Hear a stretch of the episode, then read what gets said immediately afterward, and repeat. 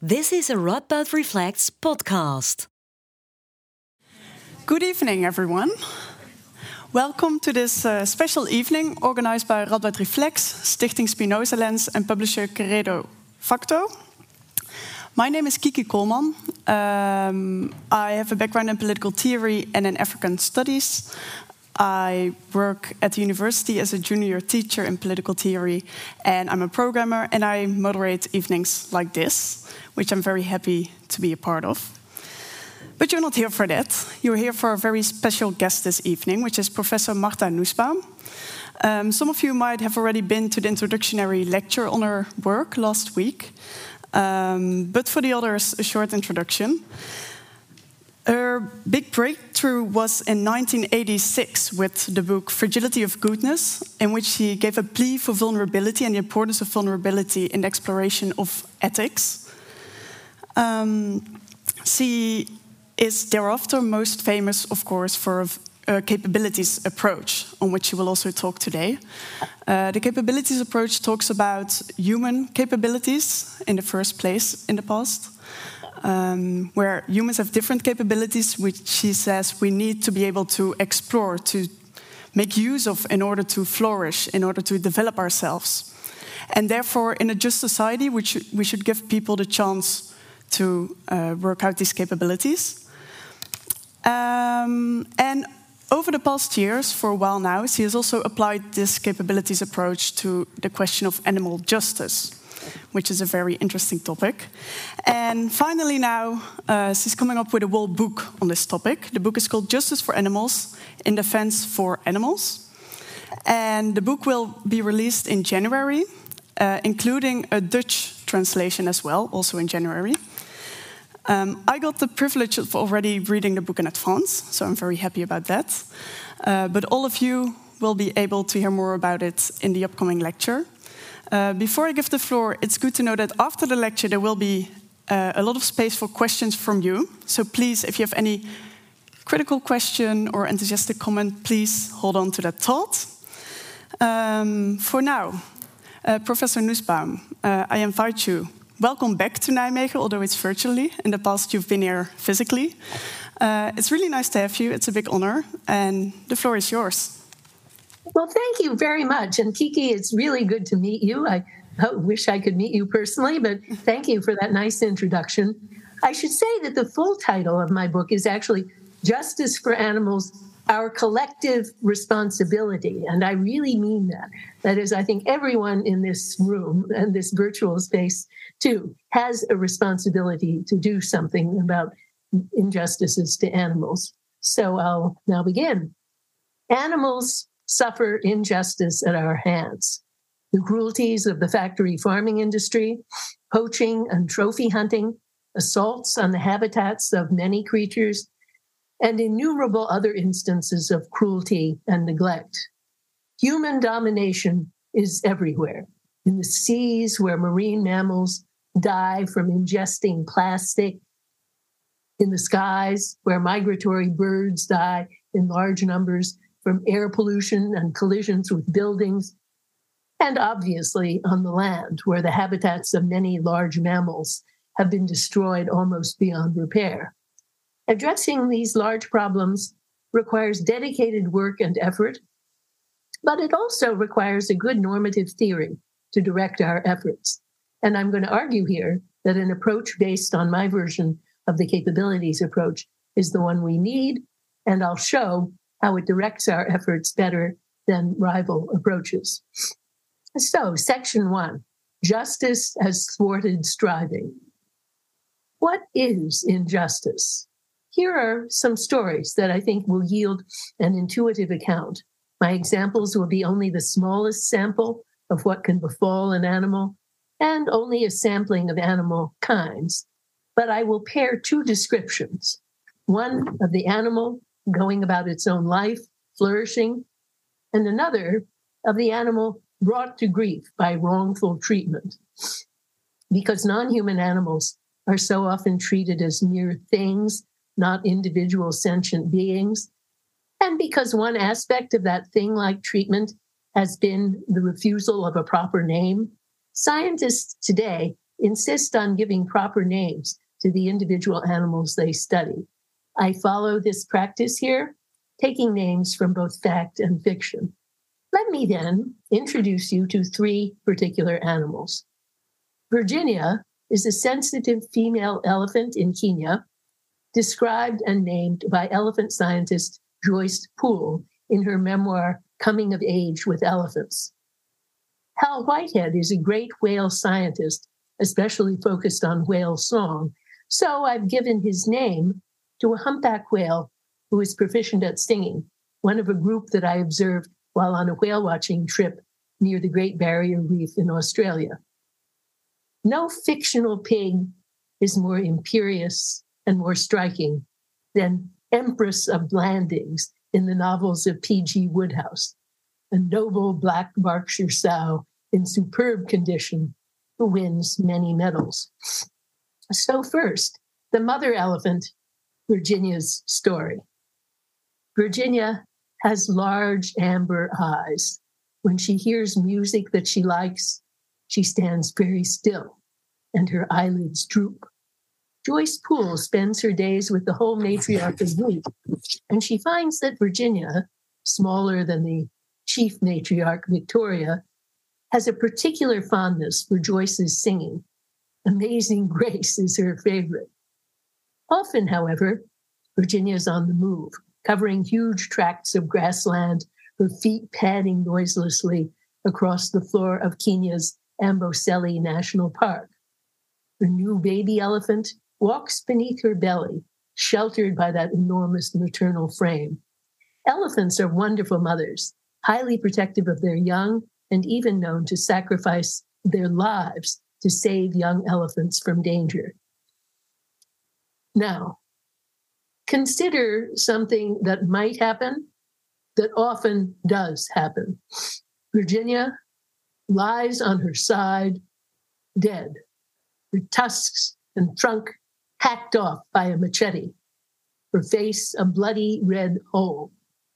The ivory trade flourishes despite many attempts to curb it, and the market for animal trophies such as tails and trunks flourishes with few impediments. It's not even illegal to import such trophies into the United States. The other females gather around her and try vainly to lift her body with their trunks. Eventually, giving up the effort, they sprinkle earth and grass upon her body. The baby elephant is missing, taken very likely to sell to some zoo, often in the United States, that's not too particular about origins. Now, the humpback whale, Hal's story. Our small whale watching boat cuts through the choppy surf off of Australia's Great Barrier Reef in the distance, several pods of humpback whales appear, breaching and slapping their tails and flukes. Their huge backs gleam in the sun. One of them is Hal. Over the boat's motor, we hear the whales singing. The patterns of sound too complex for our ears to chart them, although we know that humpback whale song has a complicated structure and enormous variety and is constantly changing sometimes apparently out of sheer fashion and interest in novelty. A variant that originates here may make its way all the way to Hawaii in a year's time as whales imitate one another. The sound is beautiful to us and profoundly mysterious. Now, look at a different possible Hal. Washed up, dead on a beach in the Philippines. His once healthy frame is emaciated. Inside, researchers find 88 pounds of plastic trash, including bags, cups, and other single use items. Another whale, similarly choked on plastic, was found to contain in the refuse a pair of flip flops. Hal has starved to death. Plastic gives whales the sensation of fullness but no nutrition. Eventually, there's no room for real food to enter. Some of the plastic in Hal's stomach has been there so long that it is calcified, turned into a plastic brick, he will not sting again. And now the sow, the story of Empress of Blandings. Empress of Blandings is a noble black Berkshire sow of enormous size, cared for as a favorite companion on the estate of Blandings Castle. She loves her trough, where appetizing food is always offered her by her human caretaker, whose name is Cyril Wellbeloved. When Wellbeloved has to go to jail for a short time for drunken and disorderly conduct, she begins to pine and loses her appetite. Her human family, especially the very pig focused Lord Emsworth, worries helplessly about her well being, tempting her with various treats, but in vain. By a stroke of good fortune, however, Jamie Belford turns up at Blandings, and his skill in hog calling, learned during a period of work on a farm in Nebraska, brings the Empress back to her usual good spirits. She eats with gusto, making, quote, a sort of gulpy, gurgly, plobby, squishy, wafflesome sound, end quote, that delights Lord Emsworth. Shortly thereafter, she takes her first sil- silver medal at the 87th Shropshire Agricultural Show in the Fat Pigs class. Now, Imagine a different life for the Empress. Instead of flourishing among the kindly people and fostering surroundings of Blandings Castle and the gentle world of P.G. Wodehouse, where all beings are treated with love and humor, the Empress has the bad fate to be living on a hog farm in Iowa in the early 21st century. Now, newly pregnant, she's been thrust into what's called a gestation crate a narrow metal enclosure just the size of her body, with no bedding, floored with slats of concrete or metal to allow waste to descend into sewage lagoons below. She cannot walk or turn around. She can't even lie down. No kindly hog caller speaks to her. No pig loving humans admire and love her. No other pigs or other farm animals greet her. She's just a thing, a breeding machine. Most of the approximately 6 million sows in the United States are on factory farms, and these crates are used in most states, though by now they've been banned in nine states and in several countries. Sows in gestation crates show loss of bone mass from lack of exercise. They exhibit behaviors such as bar biting and tongue rolling, indicative of boredom and frustration. One type of frustration is being forced to defecate where they live because sows, contrary to usual stereotypes, are very clean animals and they normally choose to defecate far from where they sleep and eat. Another is deprivation of all society, for pigs are highly intelligent and social animals. Though the use of crates is given a kind of spurious justification, on the grounds that sows not so confined will fight with one another. This specious argument simply assumes that the sows could not possibly be given enough room to go and come and move as they choose. In a poignant allusion to the fact that pigs are not mere objects that have a characteristic form of life, the Pew Commission on Industrial Farm Animal Production recommended in 2008, quote, the phase out within 10 years of all intensive confinement systems that restrict natural movement and normal behaviors, including swine gestation crates. Well, now you see that uh, it's been more than 2018 that phase out was supposed to be, and it's now 2023, and nothing has happened.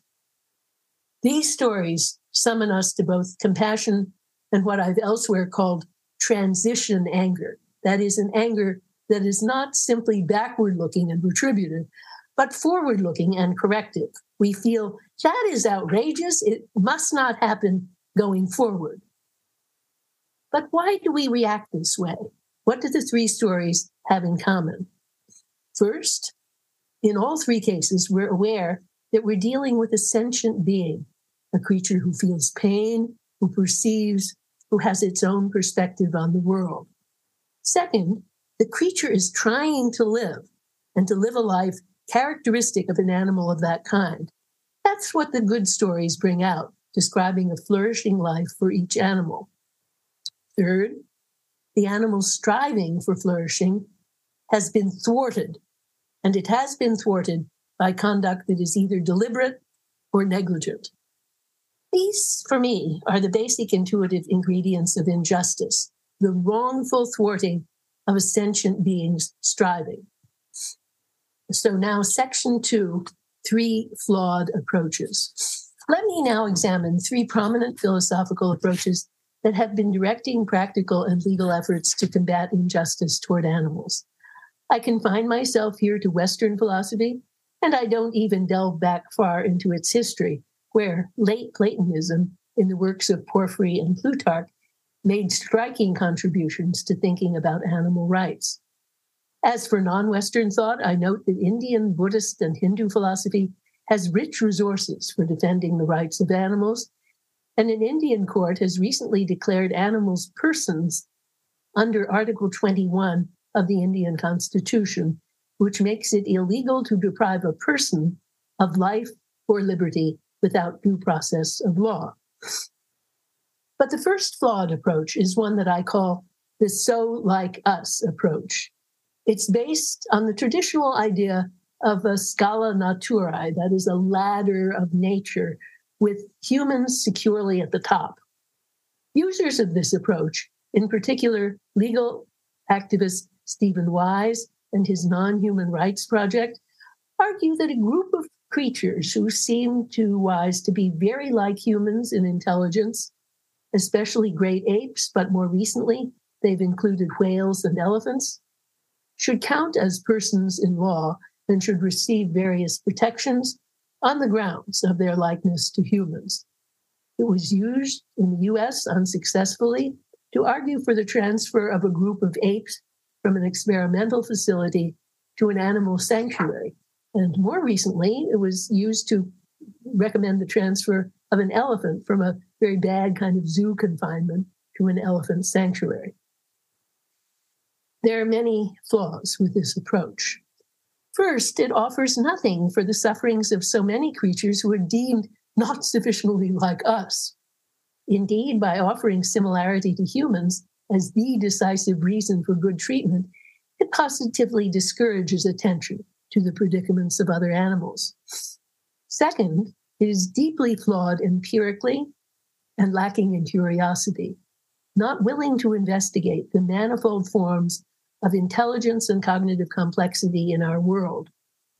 Intelligence and cognitive complexity take manifold forms in this world, and creatures from the octopus and marine creatures of many types to birds, amazingly versatile and long underestimated, have many different types of intelligence, some of which we humans do not possess. Birds can navigate over huge distances by picking up magnetic fields, the sensory apparatus we lack. Dolphins can determine what is inside an object by their sensory capacity for what's called echolocation, perceiving by the reverberation that comes back to them from the object. A surprising instance a captive dolphin became aware of her trainer, human trainer's pregnancy before the trainer herself was even aware of it, and the dolphin signaled it to her. So, nature does not present a ladder, it presents instead amazing horizontal variety, each creature having the capacities suited to its ecological niche and its form of life. Third, the approach values animals for the wrong reasons because of us, not because of them. It's narcissistic and complacent. First, assuming our first place value, and then conceding that, well, some few other creatures manage to attain value by likeness. But each animal's goals are its own, and its life is its own. Second is the utilitarian approach, which began with Jeremy Bentham's clarion call to concern for animals in a famous long footnote in his Introduction to the Principles of Morals and Legislation, 1789. Bentham's overall view holds that the only good thing is pleasure and the only bad thing is pain. In this footnote, he insists that other animals are just as vulnerable to pain and suffering as humans are, and he predicts that the day will come when our harsh domination over animals will seem just as heinous as, says he, the slave trade now does to right thinking people. I think he was somewhat exaggerating the degree to which British thought had progressed by 1789 and certainly ignoring atrocities in America. Just as the color of a person's skin should not be a reason for differentially bad treatment, he says, so too the quote, villosity, that's the hairiness of the skin, and the curvature of the os sacrum, end quote, should not be a reason for the brutal oppression of animals. Bentham followed this up with other writings denouncing hunting and fishing for sport, although he still thought it was permissible to kill animals for food if done in a painless manner. Bentham's great student, John Stuart Mill, followed his lead, both writing about the rights of animals and leaving all of his money to the Society for the Prevention of Cruelty to Animals. Today, utilitarian philosopher Peter Singer, their philosophical heir, has been a great leader in calling for the abolition of cruel practices to animals.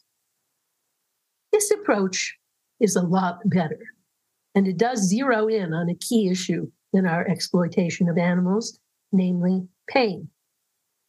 But it flattens the world too much. Animals do need freedom from pain, but they also need other things the ability to move freely, to play, to choose their own paths through the world, to enjoy social relationships. Furthermore, sometimes animals who have never been exposed to these good things do not actually feel pain when they're without them. They form what economists call adaptive preferences. So, as in the human case, the utilitarian criterion can be an ally of an unjust status quo. Another problem is that the utilitarian goal is a state, pleasure, or in Singer's version, preference satisfaction. So the value of agency is neglected. People don't just want to end up in a state of satisfaction, they want to strive and to attain what they attain by their own efforts. Finally, what utilitarianism recommends is not individual focused enough. The goal is either the greatest total pleasure or the greatest average pleasure, depending on which version you use. So, complicated empirical calculations are required in order to balance the pleasure humans take in meat eating against the pain of the animals who are eaten. And there's no guarantee at all that the animal protective result will actually win. The condition of those at the bottom of society's ladder does not have any special importance, a notorious problem for utilitarianism generally. Third is the Kantian approach of Christine Korsgaard's important recent book called Fellow Creatures. This is a really wonderful book. This approach does better still, developing an attractive account of what it is to treat an animal as an end rather than a mere means. In many important respects, its practical recommendations dovetail with my own. Korsgaard diverges from Kant, who actually held that animals are just property that we may use as we please. And she develops a promising approach using both Kantian and Aristotelian materials. And I should say with great pleasure that Korsgaard was my dissertation student long ago, and she wrote her dissertation on actually on Kant and Aristotle. But Korsgaard clings too much to Kant to satisfy me. She insists that humans are the only creatures capable of normative thinking and self direction. And although she doesn't think this makes humans better, she does think that for this reason, the other creatures can only be what she calls passive citizens, not active participants in indicating what justice is for them. We should criticize this argument both empirically and normatively. Human ethical capacities are part of our animal heritage, and we share them to a greater or lesser degree with many animals. Moreover, it doesn't make normative sense to me to conclude that a creature not capable of this high level ethical thought cannot be an active citizen. Creatures of many kinds, including human children and people with severe cognitive disabilities, lack those special Kantian abilities, and yet we do consider them active citizens, allowing their preferences to be heard when laws are made, even though in many circumstances they will have to be represented by a guardian or what's most people in that disability movement prefer the word collaborator. So why not say the same about animals?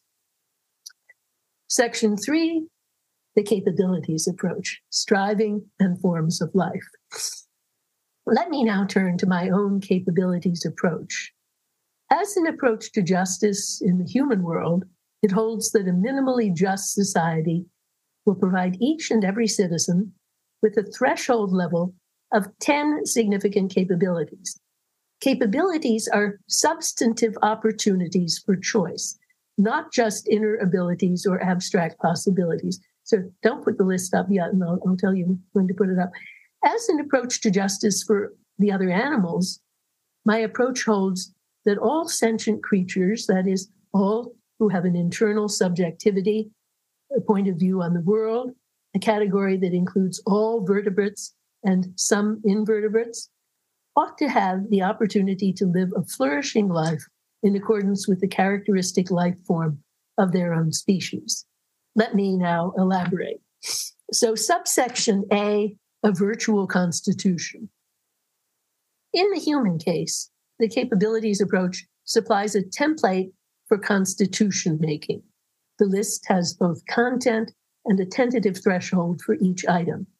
A nation aiming at minimal justice can consult it and also consult its own particular environment and history and frame its own list with more locally specific accounts of each of the major capabilities on the list.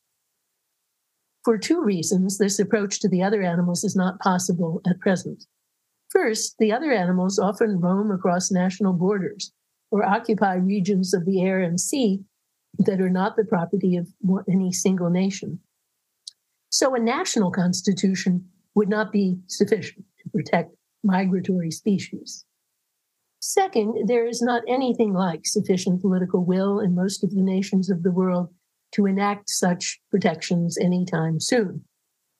Right now, therefore, the CA aims to supply a virtual constitution to which nations, states, and regions may look to try to improve or newly frame their animal protective laws. It's my hope that over time, this virtual constitution can increasingly become the object of what Rawls called a political overlapping consensus, both within each nation and across national boundaries. This will take time and work, but so too does the task of framing and protecting human rights. Still, this flexible approach permits nations to stride boldly ahead without waiting to get a global consensus. The basic goal is that all animals would have the opportunity to live lives compatible with their dignity and their striving up to a reasonable threshold level, and with exceptions for self defense and the defense of others. Subsection B lists and lives. Ideally, we should learn enough to make a separate list for each type of creature, putting on the list the things that matter most when it comes to survival and flourishing. In effect, the list is really made by the animals themselves as they express their deepest concerns as they try to live. The people who can be trusted to record the unheard voices of animals are people who have lived with a given type of animal for years and with love and sensitivity. Ideally, there should be a group of people for each species because any individual is fallible. These guardians and listeners should know individual animals within the species in all their variety and know the obstacles each creature faces and what interventions prove helpful. That means a huge number of different lists.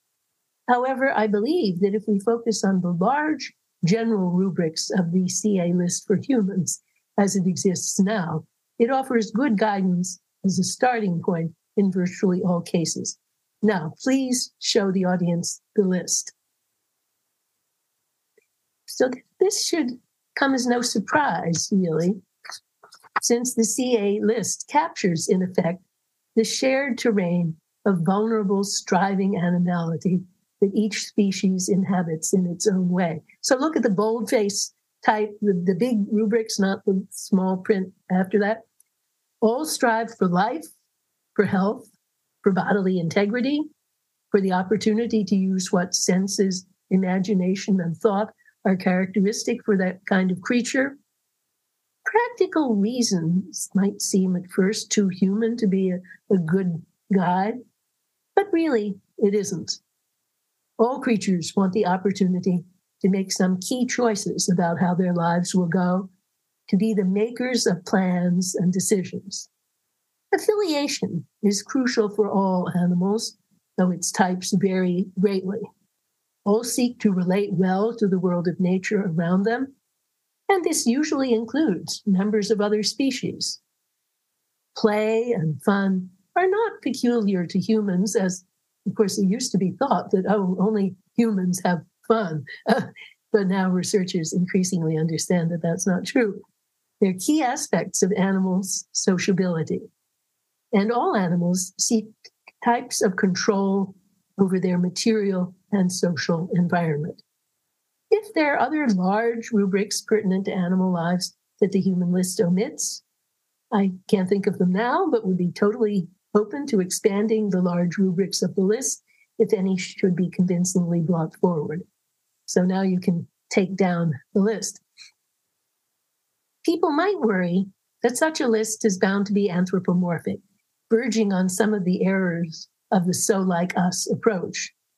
I understand this charge, but I think it's mistaken. The list was made up not by thinking of what is distinctively human, but by thinking in very general terms about vulnerable and striving animality, a topic Aristotle already addressed in the small work on which I wrote my doctoral dissertation long decades ago in 1970, what was it, 1976, on the motion of animals. In that work, he proposes what he calls a common explanation for why and how animals move through the world to get the things they need, allowing for significant variations at the species level, but allowing that at a general level we can find a common pattern. I think so too, though we must always be on our guard against obtuseness or self privileging perception. Sometimes the common explanation will include items within the finer rubrics of the human list that appear at first not to matter to the lives of animals. Consider freedom of association and freedom of speech. Well, what are most zoos but means of denying freedom of association to animals? As for speech, animals express what they need and want in many ways, often very sophisticated, often possessing even syntactic complexity. Under formal US law, freedom of speech pertains to many forms of expressive symbolic activity, not just to words in speech or on paper. So, why should this legal category, which, which does include, for example, burning the US flag, is taken to be a form of speech? So, this legal category why should it not be thought to include the ways in which animals speak? It certainly could if animals only had legal standing in the first place. It's not that they don't speak, it's that we humans usually don't listen.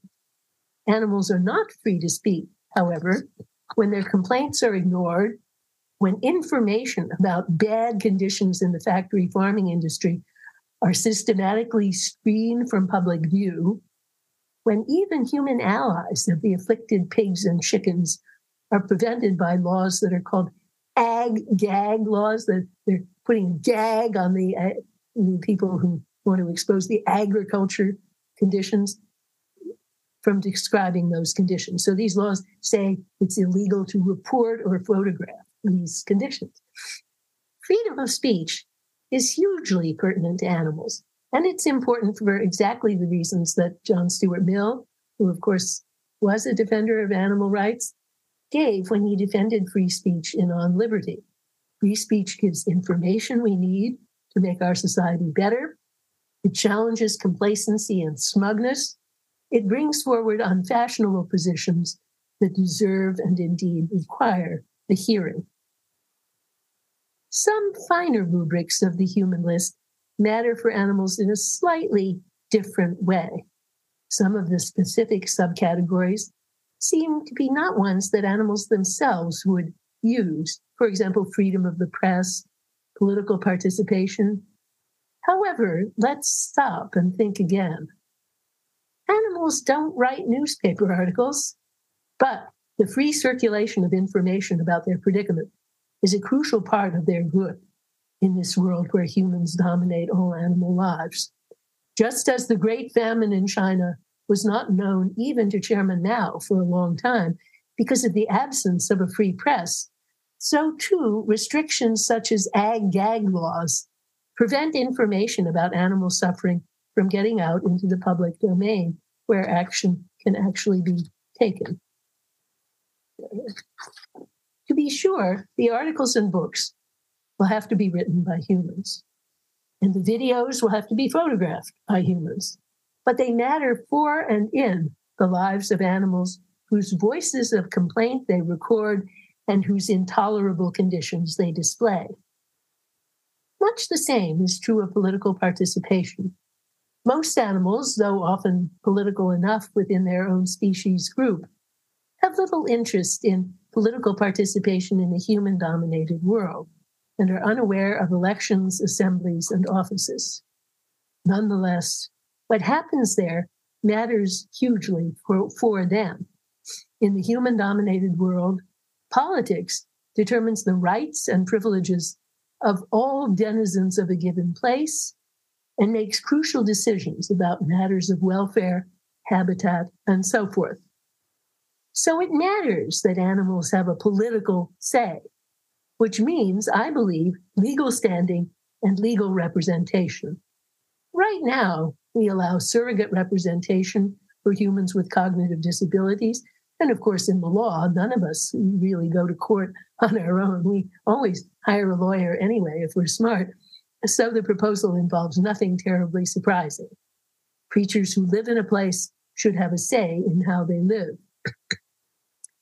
At the level of the finer concrete rubrics of the list, there will then be surprising instances of overlap. At this level, however, there will also be much divergence, and we should always be open to surprise and learning. Thus, each kind of animal has its own form of social organization and even of sense perception. Some animals, as I mentioned, have senses we lack echolocation, navigation by magnetic fields, and usually the senses that we do have are realized very differently in animal lives, different types of hearing, sight, perhaps especially smell. Only painstaking and loving study will show what should be said. Subsection C fertile functioning's corrosive disadvantages. So, this is based uh, on these terms, are taken from the excellent book by Jonathan Wolff and Avner de called Disadvantage, which develops a version of the capabilities approach. Because the approach I envisage is specific to each type of animal life, its demands are many and heterogeneous. But within each case, and even across many cases, there are likely to be capabilities that are particularly fertile, promoting good lives across the board, and capability failures that are especially damaging. For all animals, subjection to arbitrary human violence is a corrosive disadvantage, whether it takes the form of whales' vulnerability to harpooning, elephants' vulnerability to poaching, female pigs' confinement in gestation crates, or a dog's vulnerability to a so called owner's cruelty and neglect. Another corrosive disadvantage across the board is environmental degradation which causes lethal conditions, whether of air or water, for many species and depletes their habitats. So, the opposite of these ills, ban on cruel practices and a dedication to environmental cleanup, will prove fertile, enhancing capabilities across the board for many animals. Subsection D species members are individuals. So far, I've talked about a list for each species of animal, but for animals as for humans, each individual creature should be treated as an end. And animals are individuals not just numerically, meaning that each and every one matters, but also qualitatively. Each species member is subtly different from every other. People who live with companion animals know that the personalities and preferences of their companion dogs or cats are highly individual and that what is good for one dog or one cat is not necessarily good for another. We usually fail to notice this variety in the case of animals with whom we don't live. But of course, scientists who do live with a given type of animal recognize and emphasize these differences. Each baboon, each elephant is a member of baboon or elephant society, but each individual has a unique way of inhabiting that world. So, too, every type of animal that we've been able to study carefully. But if each individual is both separate from others, having its own life to live, not anyone else's, and qualitatively different in some ways from others, isn't it a mistake to frame the conception as centering around a species form of life? Isn't that to deny each animal's uniqueness? Isn't it obtuse, even objectifying, to speak of the dolphin or the dolphin form of life, rather than to create a separate story and a separate list for each individual dolphin?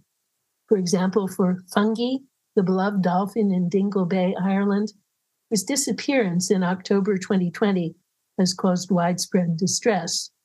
The inhabitants of Dingle Bay came to know Fungie over the decades as a dolphin with a unique personality, quirky, oddly solitary for a dolphin, atypically social toward humans. Why wouldn't Fungie's uniqueness be obliterated by an approach based on the species? All law is general, but good law is based on a knowledge of many particulars and can be revised when new particulars come to light.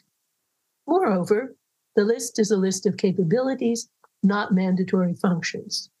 The opportunities it creates can be used by different creatures in different ways, or not used at all if the animal doesn't feel like using them. Capabilities are entitlements, a kind of rights. People typically do not think that the human rights approach reduces all humans to a cookie cutter model.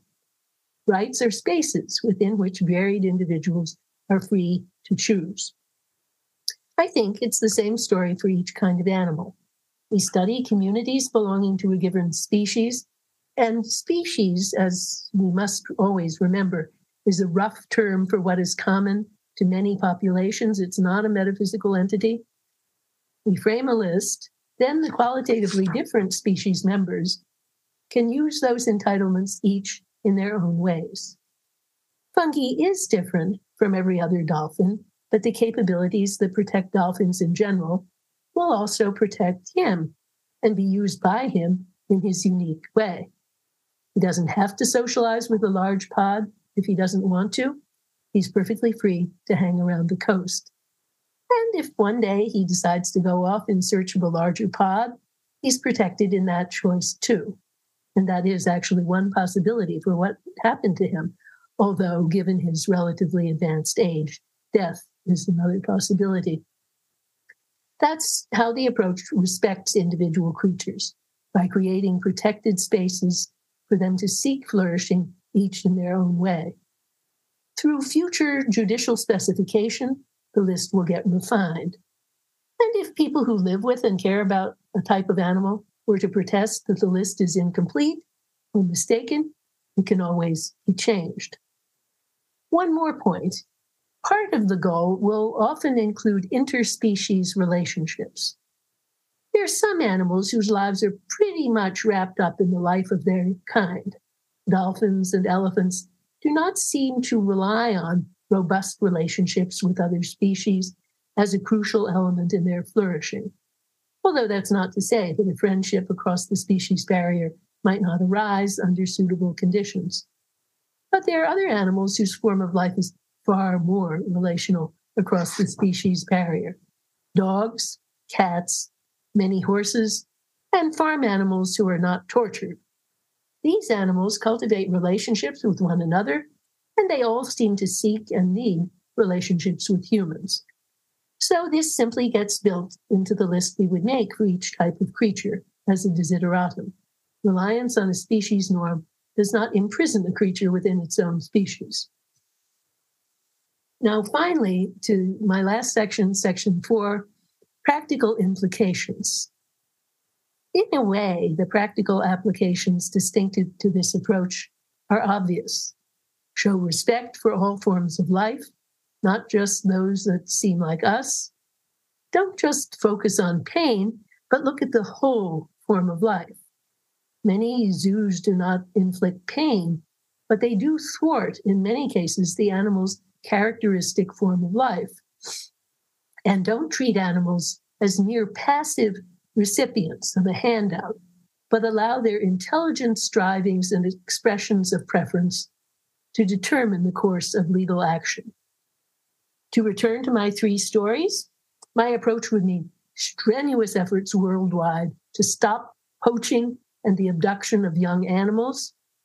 It would mean an end to the whole factory farming industry in the short term, and in the longer term, an end to our reliance on killing animals for meat in favor of what they're really now increasingly developing meat grown from stem cells without or you know we could start with plant-based meat as we've already done but i think in the longer run meat grown from stem cells without any killing is likely to be a, a more stable substitute.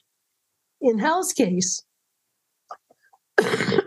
it would mean a concerted effort on the part of all humanity to reform our heedless behavior with regard to plastic trash and aggressive cleanups to remove the plastic that is already out there. So I'll end this lecture with just one detailed example of legal implementation of the spirit of my approach, a happy harbinger of what may be the new era in law in the form of a remarkable 2016 opinion by the U.S. Court of Appeals for the Ninth Circuit Court of Appeals in a case called Natural Resources Defense Council versus Pritzker. And I should say it's not the Pritzker who's the governor of Illinois, it's his sister, who was Secretary of Commerce at the time. So, versus Pritzker, the U.S. Court of Appeals for the Ninth Circuit ruled that the U.S. Navy violated the law in seeking to continue a sonar program that impacted the behavior of whales. To some extent, the opinion is a technical exercise in statutory interpretation of the Marine Mammal Protection Act. The court says that the fact that a program has negligible impact on marine mammals does not exempt it from a separate statutory requirement, namely that it establish means of, quote, effecting the least practicable adverse impact on, end quote, marine mammal species.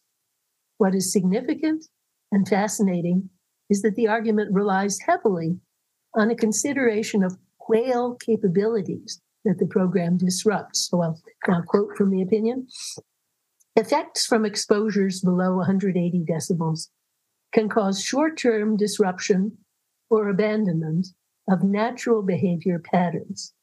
These behavioral disruptions can cause affected marine mammals to stop communicating with one another, to flee or avoid an insonified area, to cease foraging for food, to separate from their calves, and to interrupt mating. LFA sonar can also cause heightened stress responses for marine mammals. So notice even the rubric of emotional health is on their on their minds. Such behavioral disruptions can force marine mammals to make trade offs like delaying migration, delaying reproduction, reducing growth, or migrating with reduced energy reserves. the opinion does not give whales legal standing. They, the whales are not the plaintiffs. In other words, they need the human NGO to be the plaintiff, no such radical legal move is necessary to reach the clear end that the program is unacceptable. Because the whales did not have legal standing, they had to depend on the luck of having protection through the Marine Mammal Protection Act, a law made by human legislators, but with real concern for the interests of whales. The whales also had to depend on judges who read the law imaginatively. And this is, I mean, it was a new way of interpreting this law, taking very seriously a set of obstructions to the whale's form of life that did not involve the infliction of pain. The opinion, written for a unanimous three judge panel by Judge Ronald Gould, who sits in and has long lived in the state of Washington, where whale watching is a common pastime, concluded that obstructing a characteristic form of life activity, even without pain, is an adverse impact. I imagine this judge, don't know him at all, as someone who has really looked at whales with curiosity and wonder. But whether he or his clerks have really gone out whale watching, the opinion displays ethical and imaginative attunement of a type increasingly seen in coastal areas of the US, perhaps in the Seattle area where he lives above all. It sees whales as complex beings with an active form of life that includes emotional well being, affiliation, and free movement. In short, a variety of species specific forms of agency. The opinion goes well beyond Jeremy Bentham, and it also steers clear of the so like us approach. Nor, like the Kantian approach, does it view whales as merely passive citizens. It is a harbinger, it is to be hoped, of a new era in the law of animal welfare and animal justice. So, thank you very much and looking forward really greatly to your questions.